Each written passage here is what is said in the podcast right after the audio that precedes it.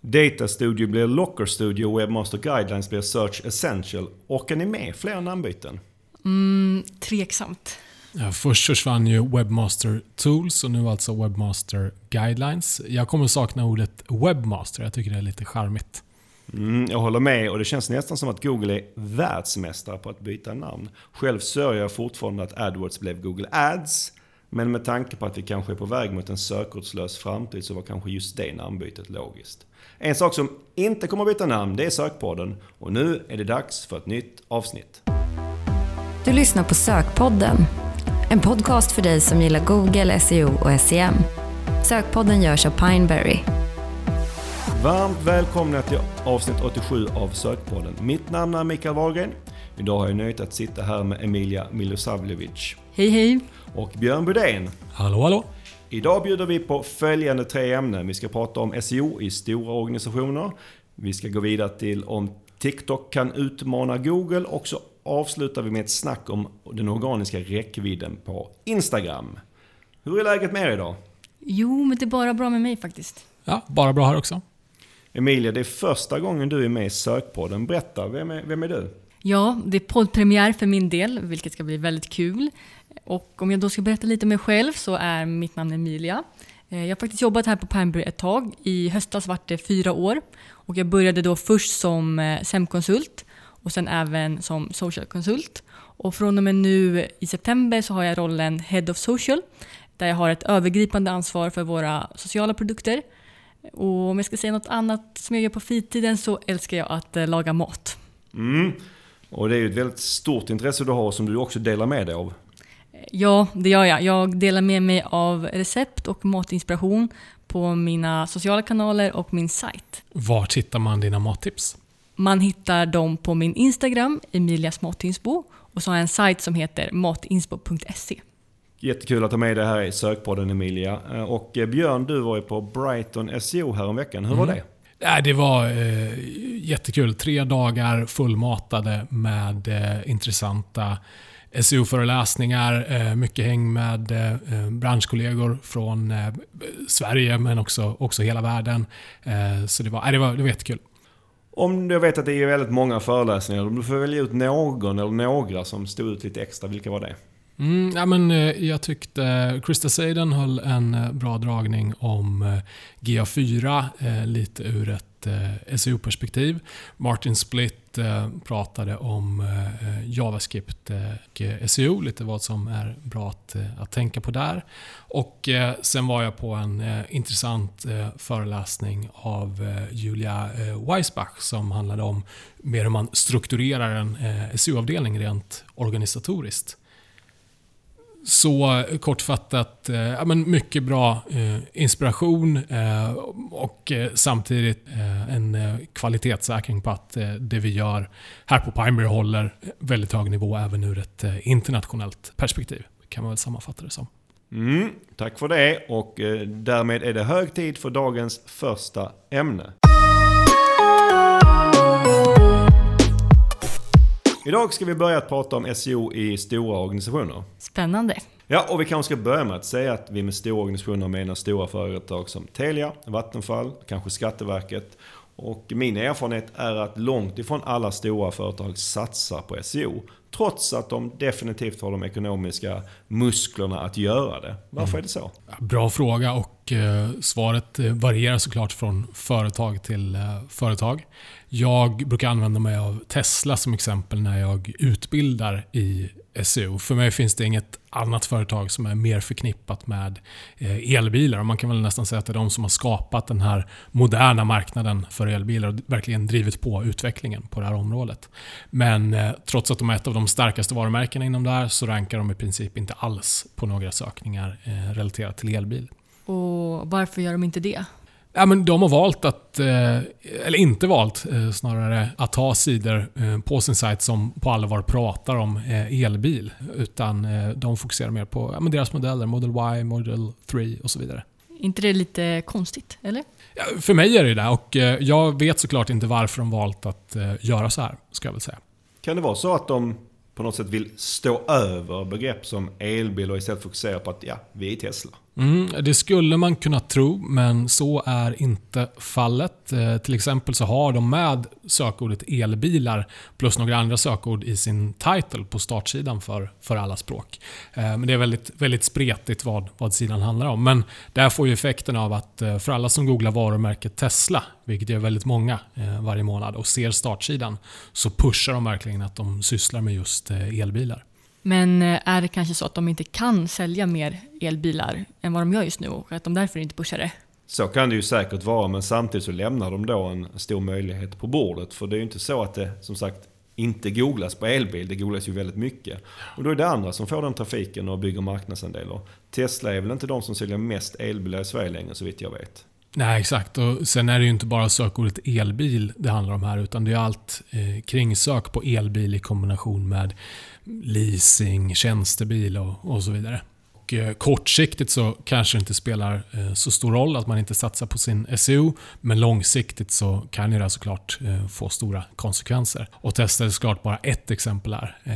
Och min uppfattning är att många stora företag tänker lite liknande, att man inte bryr sig tillräckligt mycket om SEO för att man har upparbetade andra sätt att få kunder och intäkter på och bygga varumärket på helt enkelt.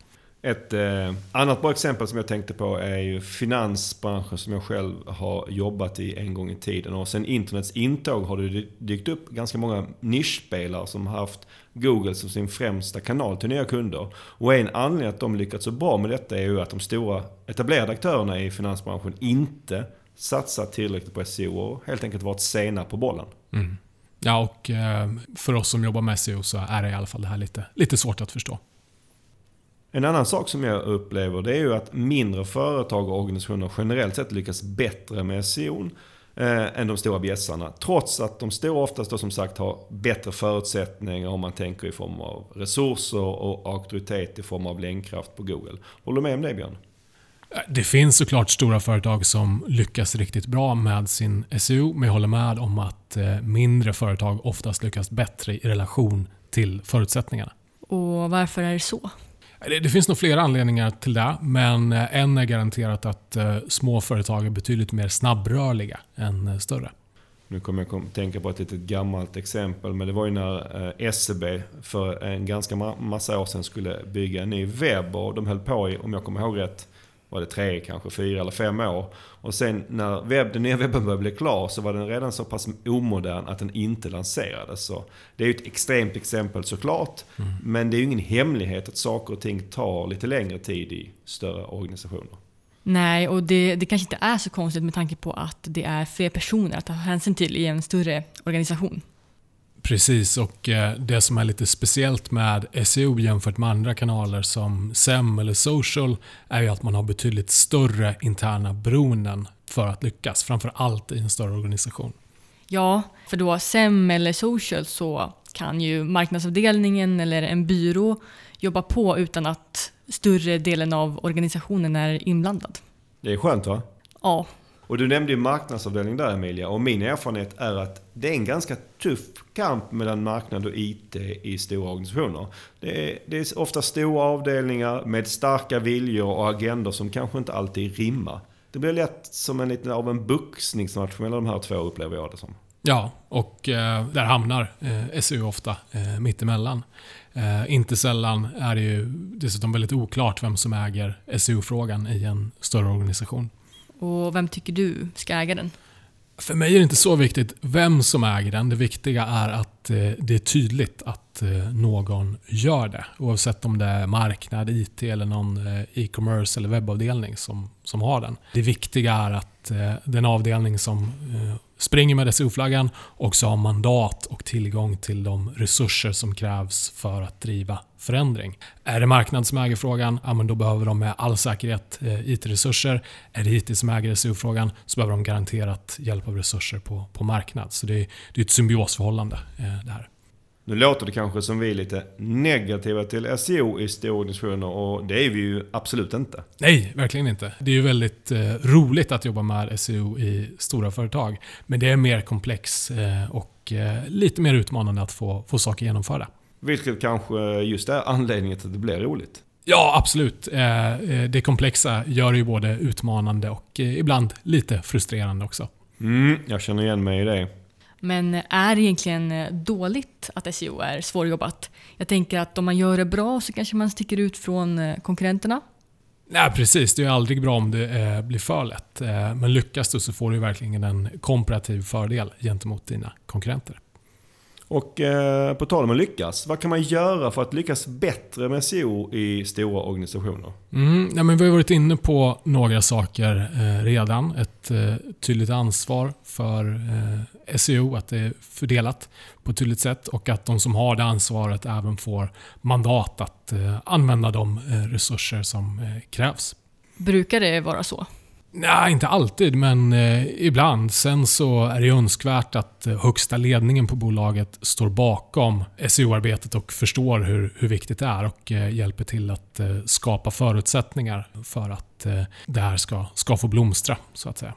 Det som jag upplever utmärker mindre och eh, snabbfotade företag som lyckas med sin SEO, det är ju att nästan hela organisationen har en form av SEO first-tänk. Mm. Och det är ju en dröm att få till eh, i en större organisation, även om det kanske inte är helt realistiskt. Men om man kan få en dos av ett SEO first-tänk så är ju ändå ganska mycket vunnet.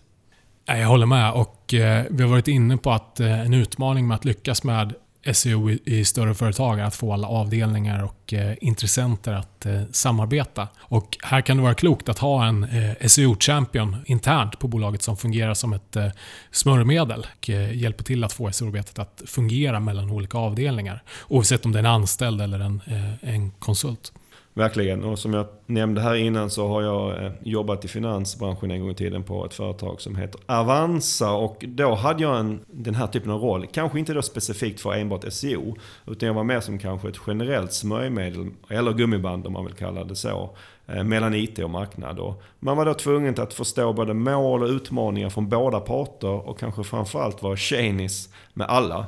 Eh, och det, var en, det var en kul roll, eh, men samtidigt så blev man ju buxad från två håll samtidigt ibland. Ja, eh, och jag håller med om att en viktig egenskap när man jobbar med SEO i en stor organisation är att man har en bra relation med olika stakeholders och kan prata med dem på, på deras språk helt enkelt.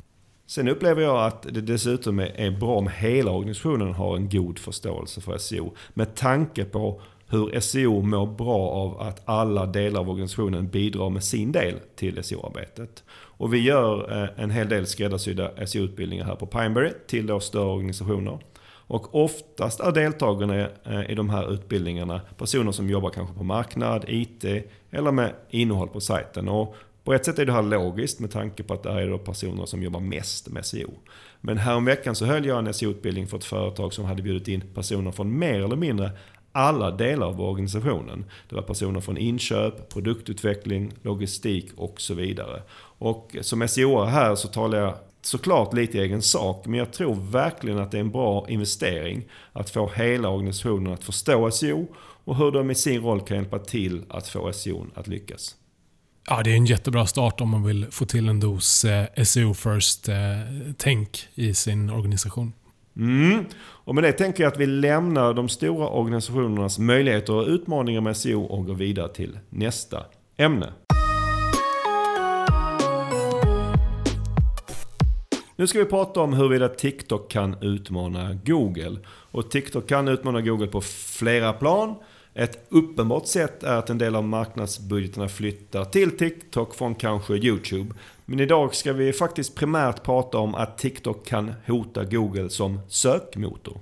Ja, och eh, vi har ju tidigare pratat om potentiella hot mot Googles dominans som sökmotor. Senast eh, tror jag var när vi pratade om Ahrefs sökmotor JEP. Det var väl precis innan, innan sommaren. Ja, om jag kommer ihåg rätt så pratade vi om hot mot Google redan i avsnitt 3. Så det har varit lite av ett återkommande tema här i sökpodden kan man säga. Ja, och eh, sökmotorn Jepp, eh, jag tycker det är en kul grej på flera sätt, men eh, det känns kanske inte som ett eh, rejält hot mot eh, Google direkt. Men TikTok kanske inte är lika lätt att, att avfärda. Nej, verkligen inte. Snacket om att TikTok kan utmana Google som sökmotor tog rejält fart här i somras när en Google-höjdare som heter Prabhakar Raghavan på ett event i Aspen utmålade TikTok som en konkurrent sökmässigt. Mm, och eh, det var lite förvånande att Google själva gick ut med det här, tyckte jag.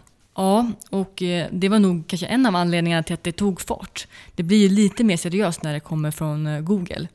Han nämnde också att eh, Googles egna undersökningar hade visat att bland unga, när de till exempel söker efter lunchställen, så använder 40% inte Google eller Google Maps, utan de använder TikTok eller Instagram. Ja, med tanke på att Googles marknadsandel i exempelvis eh, Sverige eh, ligger runt eh, 95% så är det minst sagt anmärkningsvärt att 40% av de unga söker på andra ställen. Ja, och man ser faktiskt att eh, TikTok pushar söket mer och mer. Nu senast så såg jag att de har lagt till en funktion där om ett ämne nämns i en kommentar så blir det direkt länkat till en sökning på det ämnet. Dessutom så betatestar TikTok sökannonser. Så man märker verkligen att eh, de pushar det här. Ja, och eh, det är nog klokt av dem att göra det. Hur menar du då? Ja, men som eh, annonsör på sociala medier så har det blivit och blir allt svårare att eh, anpassa sin marknadsföring mot specifika målgrupper. Sökmotorer med deras eh, sökannonser lider inte av den här problematiken lika mycket. Eh, eftersom på sökmotorer så behöver du egentligen inte veta lika mycket om personen för att visa reklam som är relevant. Det räcker att veta vad den här personen söker efter så kan du visa relevanta annonser. Så jag förstår att eh, TikTok vill åt eh, det här hållet. Sen ska man väl komma ihåg att eh, idag kanske det främst är vissa typer av sökningar som, som görs på TikTok. Ja, på tal om det. Vilka segment är extra intressanta för sök på TikTok? Vad säger du om receptsökningar, Emilia? Ja, ja, det är definitivt ett sånt segment där det söks mycket på, på TikTok, men även på Instagram. Har ni några fler förslag?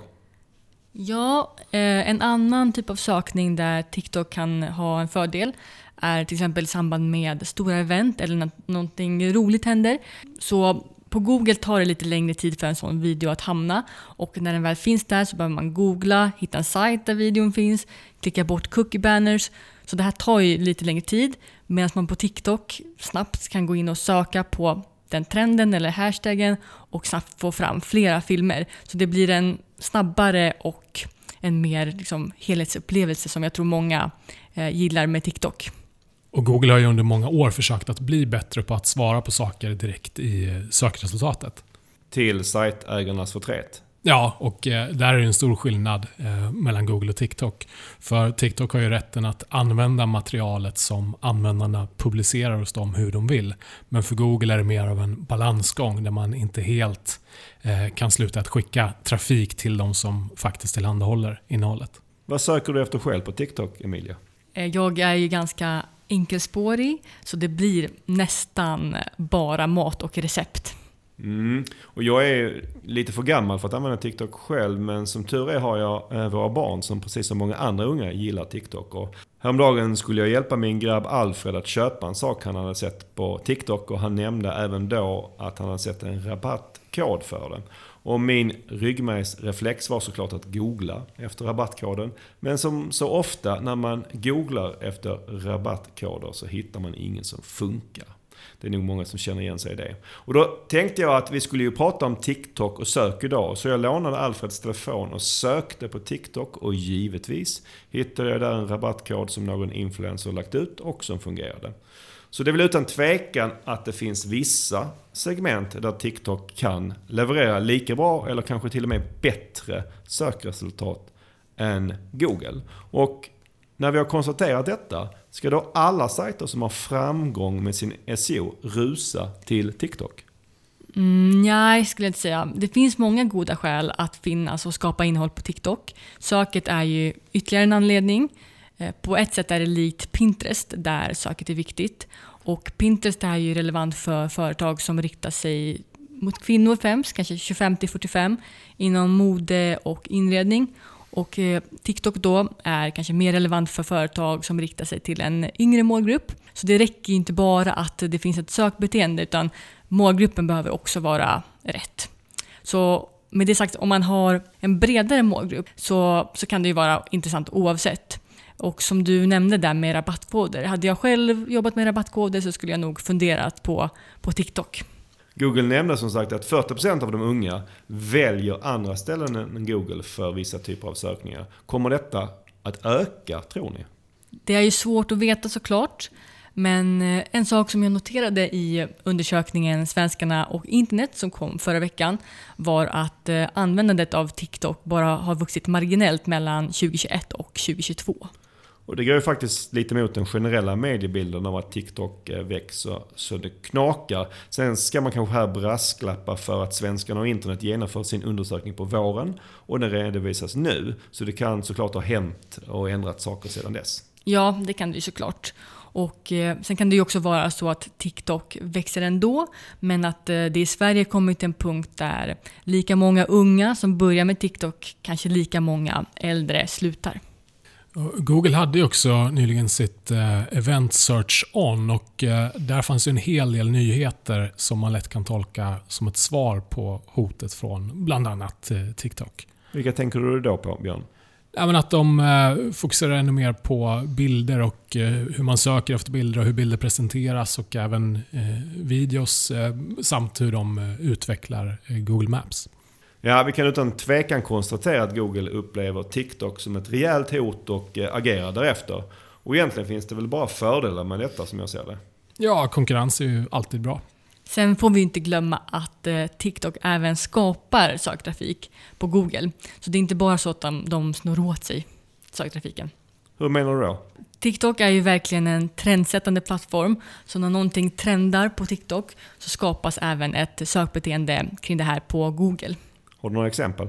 Ja, det jag har bäst koll på är ju såklart recept som trendar. Och det är väldigt ofta som olika recept trendar. Exempelvis så är det 15 000 sökningar per månad på Google för sökningen TikTok-pasta. Va? Är det 15 000 per månad i Sverige som googlar TikTok-pasta? Ja, eh, det är 12 månaders snittet. Men när TikTok-pastan pikade i februari förra året så var det 70 000 googlingar på, på TikTok-pasta.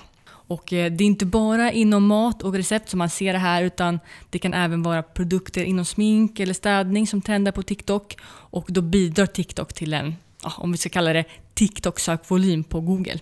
Mm. Och med detta för mig roliga exempel om TikTok-pasta så avslutar vi vårt snack om huruvida TikTok kan hota Google och går vidare till dagens sista ämne.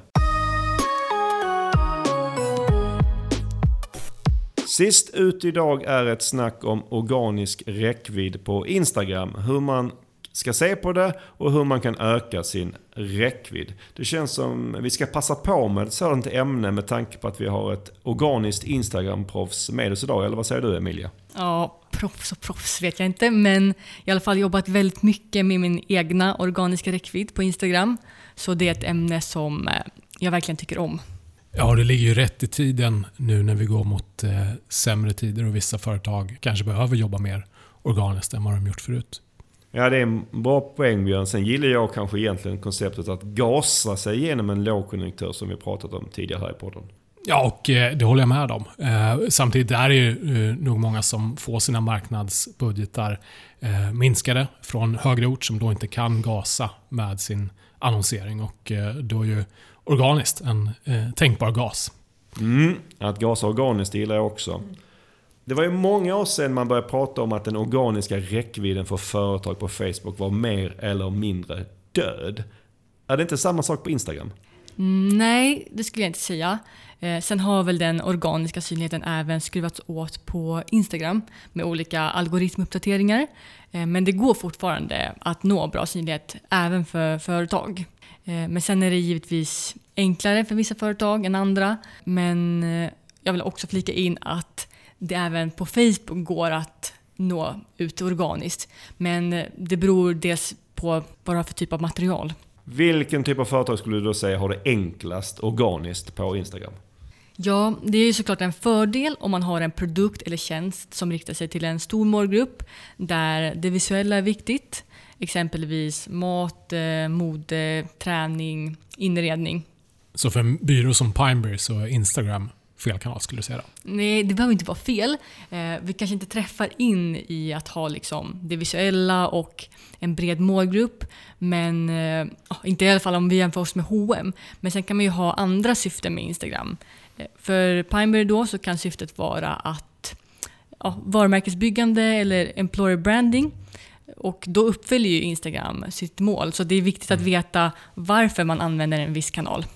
Hur viktigt är antal följare för den organiska synligheten? Ja, eh, det är ju viktigt. Eh, ju fler följare du har, desto större möjlighet till synlighet kommer du ha. Eh, samtidigt så kommer du inte nå alla dina följare och vissa undersökningar visar att den organiska synligheten minskar så att man når en relativt liten del av sina följare ju fler följare man har. Hur liten del når man? Ja, även här går det inte att säga en generell siffra utan det beror mycket på materialet som man jobbar med. Jag kan bjuda på ett exempel från Pineberries Instagram-konto och det jag säger nu är såklart grovt summerat genomsnitt från kanske senare årets inlägg. Och då når vi med varje inlägg i snitt lika många personer som vi har följare. Och av dem vi då når så kanske 50% av dem är sådana som redan följer oss och resten är det inte. Och om man då jämför med LinkedIn så når vi faktiskt ungefär lika många personer i förhållande till hur många följare vi har. Och här ska man då ha med sig att vi har lite fler följare på LinkedIn. Så man kanske skulle kunna tro att den organiska räckvidden för ett företag som Pineberry är större på LinkedIn men den är snarare ganska lika i förhållande till antal följare. Här ska man ju tänka på att ju fler följare du har, eh, desto mindre del av dina följare kommer du nå. Så har du exempelvis 1000 följare på Instagram kommer du nå ja, nästan kanske alla dem. Men har du 100 000 så kommer det vara en mindre del av dina följare som du når. Varför blir det så? Ja, men i takt med att eh, ens följare eller ens konto blir större så hamnar man lite längre från sin eh, kärnmålgrupp och då kanske engagemanget sjunker och ja, därav blir det ju svårare att nå ut till alla. Och det du kanske då egentligen säger att vi på Pineberry bara har de närmast sörjande som följare på Instagram? Mm, nej, det skulle jag inte säga. Snarare att vi kanske har mer engagerade följare vad skulle du säga är viktigast för ett företag om man vill öka sin organiska räckvidd på Instagram? Ja, eh, ett exempel då är att posta konsekvent och posta relevanta saker som tilltalar din målgrupp. Det låter enklare än vad det är, eller hur? Både och skulle jag säga. Har du tålamod och jobbar långsiktigt så, så kan alla göra det här. Men det är såklart viktigt att man förstår min, sin målgrupp. Så att du jobbar för att varje sak du postar tillför något värde och har ett tydligt syfte. Ja, och här upplever jag att eh, många företag kanske postar något bara för att eh, det var länge sedan de postade något eh, senast. Eller att de bestämt att de alltid ska posta något två gånger i veckan till exempel. Precis, och det är ju smart att bestämma att man ska posta två saker i veckan eller ja, antal gånger man vill posta. Men då gäller det att varje inlägg man postar har ett tydligt syfte och eh, skapar värde. Och det behöver inte vara samma syfte varje gång utan det kan finnas olika syften med det du postar.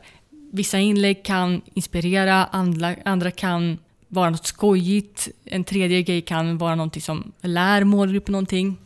Hur ofta ska man posta för att nå bästa räckvidd då? Ja, och eh, det finns ingen exakt siffra heller, men ett generellt råd är att posta frekvent så att din målgrupp vet och kan förvänta sig att det kommer poster regelbundet från dig. Men återigen då, posta inte för postandets skull utan var noga med att varje inlägg har något form av syfte och tillför ett värde. Hur vet man då vad som är ett bra syfte? Att man skapar någon form av värde för sin målgrupp? Det vet man ju inte i början. Det är någonting man lär sig över tid. Man ser ju vilka inlägg som får bra räckvidd, vilka inlägg som skapar engagemang. Och på det sättet så kan du analysera dina poster, precis som vilken annan digital marknadsföring som helst.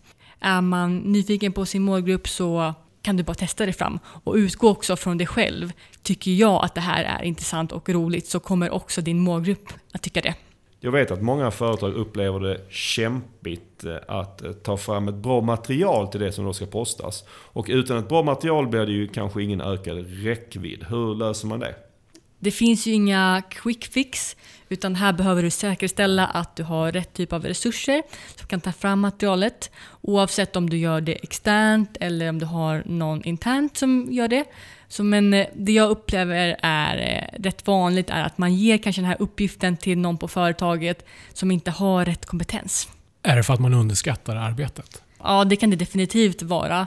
Men eh, man skulle ju inte be någon som inte kan bokföra att eh, bokföra. Men när det kommer till sociala medier så är det lätt att man ger den här uppgiften till någon som är aktiv på sociala medier privat. Och det är ju inte samma sak som att vara ansvarig för sociala medier på ett företag. Nej. Där är det nog ganska hög igenkänningsfaktor tror jag.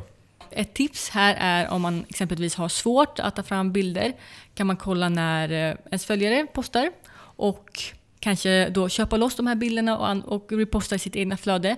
Det här brukar funka bra om man liksom är ett inredningsföretag eller klädföretag. Då brukar målgruppen oftast tagga företagen i sina inlägg. Hur ska man tänka kring räckvidd och placeringar? För det första eh, så upplever jag att det blir bäst räckvidd om man är aktiv på flera placeringar och kanske inte bara gör bildinlägg. Och eh, vad, som, vad, som gör, vad som ger eh, bäst räckvidd ändrar sig lite över tid. Som bekant så är Reels Metas stora motdrag mot TikTok och det ger bra räckvidd just nu om man kommer igång med det. Och sen är det ju ofta klokt att vara snabb på nyheter som Instagram lanserar. För det är oftast de nya placeringarna som Instagram premierar och då brukar man få bra räckvidd om man är snabb på bollen.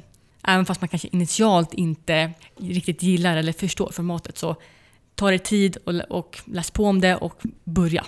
På tal om just reels, är det bättre att lägga energi på TikTok än att köra reels på Instagram? Man måste inte välja, man kan göra både och. Det handlar främst om eh, vilken målgrupp du har. Har du som sagt en yngre målgrupp så kan TikTok sannolikt funka väldigt bra. Bäst är det ju om du kan göra både och. Man kan alltid crossposta om man har material som funkar för båda. Vi nämnde i eh, förra ämnet att eh, i Sverige och svenskarna undersökningen som kom förra veckan så hade TikTok bara vuxit marginellt mellan 21 och 22. Och tittar man då istället på Instagram så har de mer eller mindre stått stilla mellan 21 och 22. Så det är ju inte så att Instagram backar kanske på grund av TikToks framfart.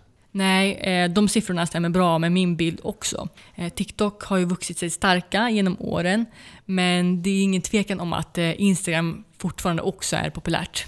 Är räckvidd ett bra sätt att utvärdera sin organiska satsning på Instagram? Ja, men man ska nog titta på fler saker än bara räckvidd. Stor fördel med att jobba organiskt på Instagram är att du inte ja, du betalar ingenting direkt för din synlighet. Men indirekt så betalar du med din tid och det material som du behöver ta fram. Så om du vill titta på några fler saker som visar på att satsningen ger önskad effekt så kan du komplettera med att kolla på utvecklingen av följare och eh, vilket engagemang du skapar med dina inlägg. Och helst vill du såklart se att det påverkar dina intäkter.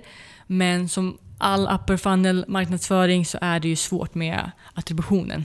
En mätpunkt eh, också som kan vara bra för att undersöka utvecklingen av ens varumärkeskännedom, det är ju det här share of search. Bra där Björn, jag hade lite på känn att du skulle ta upp det. Ja, ja, vi höll ju nyligen ett eh, webbinar om just eh, share of search som man kan hitta på vår hemsida om man vill veta mer om, om den kopin helt enkelt. Men kortfattat är det ett sätt att med eh, data eh, följa hur starkt ens varumärke är genom att kolla på hur många som, som googlar det eh, relativt eh, konkurrenterna. Ja, och det är ju en bra poäng. En ökad räckvidd på Instagram syftar ju till att öka varumärkeskännedomen som i sin tur sen kan leda till ökade intäkter. Och om du då mäter share of search så kommer du ett steg närmare intäkterna även om det fortfarande är en eh, utmaning i attributionen. Men ju fler mätpunkter du kan ha med desto enklare är att veta om du är på rätt väg. Ja, och eh, om man vill ge sig på att försöka mäta effekten på intäkter eller nya kunder så kan man ju mäta hur eh, Google-trafiken till startsidan eh, levererar. Så att säga. Den består ju till största delen av eh, varumärkesökningar. Och om de ökar, ja, men då ökar förhoppningsvis även dina intäkter från den här trafiken. Det, det är ingen perfekt bild, men det är en bra pusselbit vid upper funnel marknadsföring. Som en avslutning här, vilket företag tycker du gör det lite extra bra organiskt på Instagram? Mm, svår fråga. Eftersom jag nästan enbart följer matkonton så skulle jag nog säga att jag tycker ICA gör det väldigt bra. Vad gör de som är så bra, tycker du? De skapar engagemang, de har ett väldigt fräscht innehåll, de följer liksom trenderna och ofta så är det ganska mycket humor i deras inlägg. Vilket gör det liksom, det sticker ut. Och det tycker jag att de gör väldigt bra. Och det märks att de förstår sin målgrupp. Tack för det och med den hyllningen är det dags att avsluta vårt snack om organisk räckvidd på Instagram. Och det återstår endast att avrunda dagens avsnitt. På tal om vårt webbinar om Share of Search så ska du och jag Emilia köra ett webbinar om några veckor när man bestämt den 9 november. Vad ska vi prata om då? Ja, det ska vi göra. Eh, ämnet är då marknadsföring på sociala medier i lågkonjunktur. Så det ska bli kul. Jag hoppas att ni vill titta. Ja, googla Pineberry webbinar för att anmäla dig. Och har du några synpunkter på dagens avsnitt, ja då hör du som alltid av dig till sokpodden at pineberry.com. Ja, och hör gärna av er med förslag på ämnen som ni vill att eh, vi ska ta upp i framtida avsnitt. Eh, lyssnarämnen tycker vi är ja, men lite extra roliga att, att göra. Absolut. Och tack för att du har lyssnat idag och ta hand om dig och dina nära tills vi hörs igen nästa månad. Tack för idag. Ha det bra. Hejdå.